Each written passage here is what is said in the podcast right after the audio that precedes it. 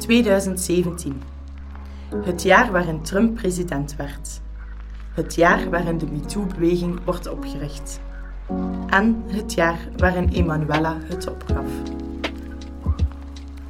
Ze brengt vier kinderen groot in haar appartement, dat te klein is geworden. Er leven ongewenst ook anderen in haar appartement. Schimmels, muizen en soms lijkt het alsof de buren naast haar bed staan als ze praten. Of is het ruzie maken? Ze probeert niet te luisteren, al hoort ze wel elke zucht en scheet.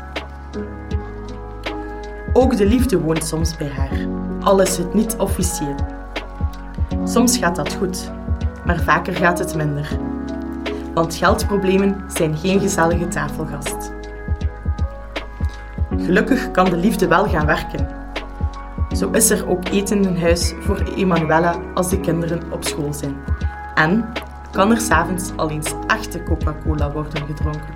Maar het OCMW en de huisvestingsmaatschappij willen precies weten wie en wat er in je woning binnen en buiten gaat. Ook via de achterdeur. Dat wisten ze bij Emanuela niet. Dus wordt er geschorst. Geen inkomen meer in huis. Wel, nog vier kinderen, de muizen en de liefde.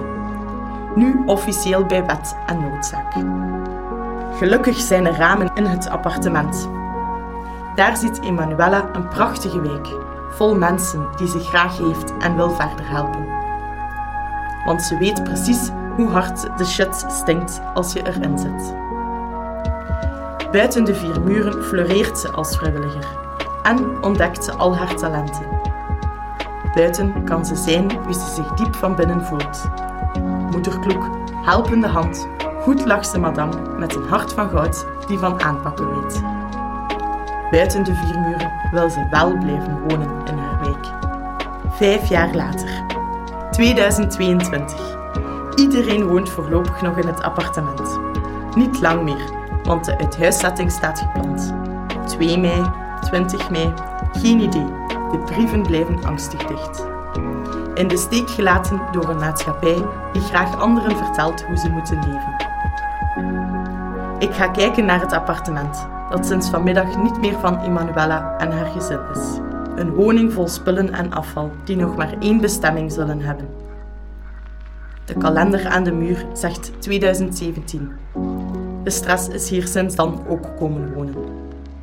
Ik neem nog de laatste kinderfoto's en vertrek richting Emanuela die aan haar nieuw avontuur begint. Een garage in de buurt? Of zal het de nachtopvang zijn?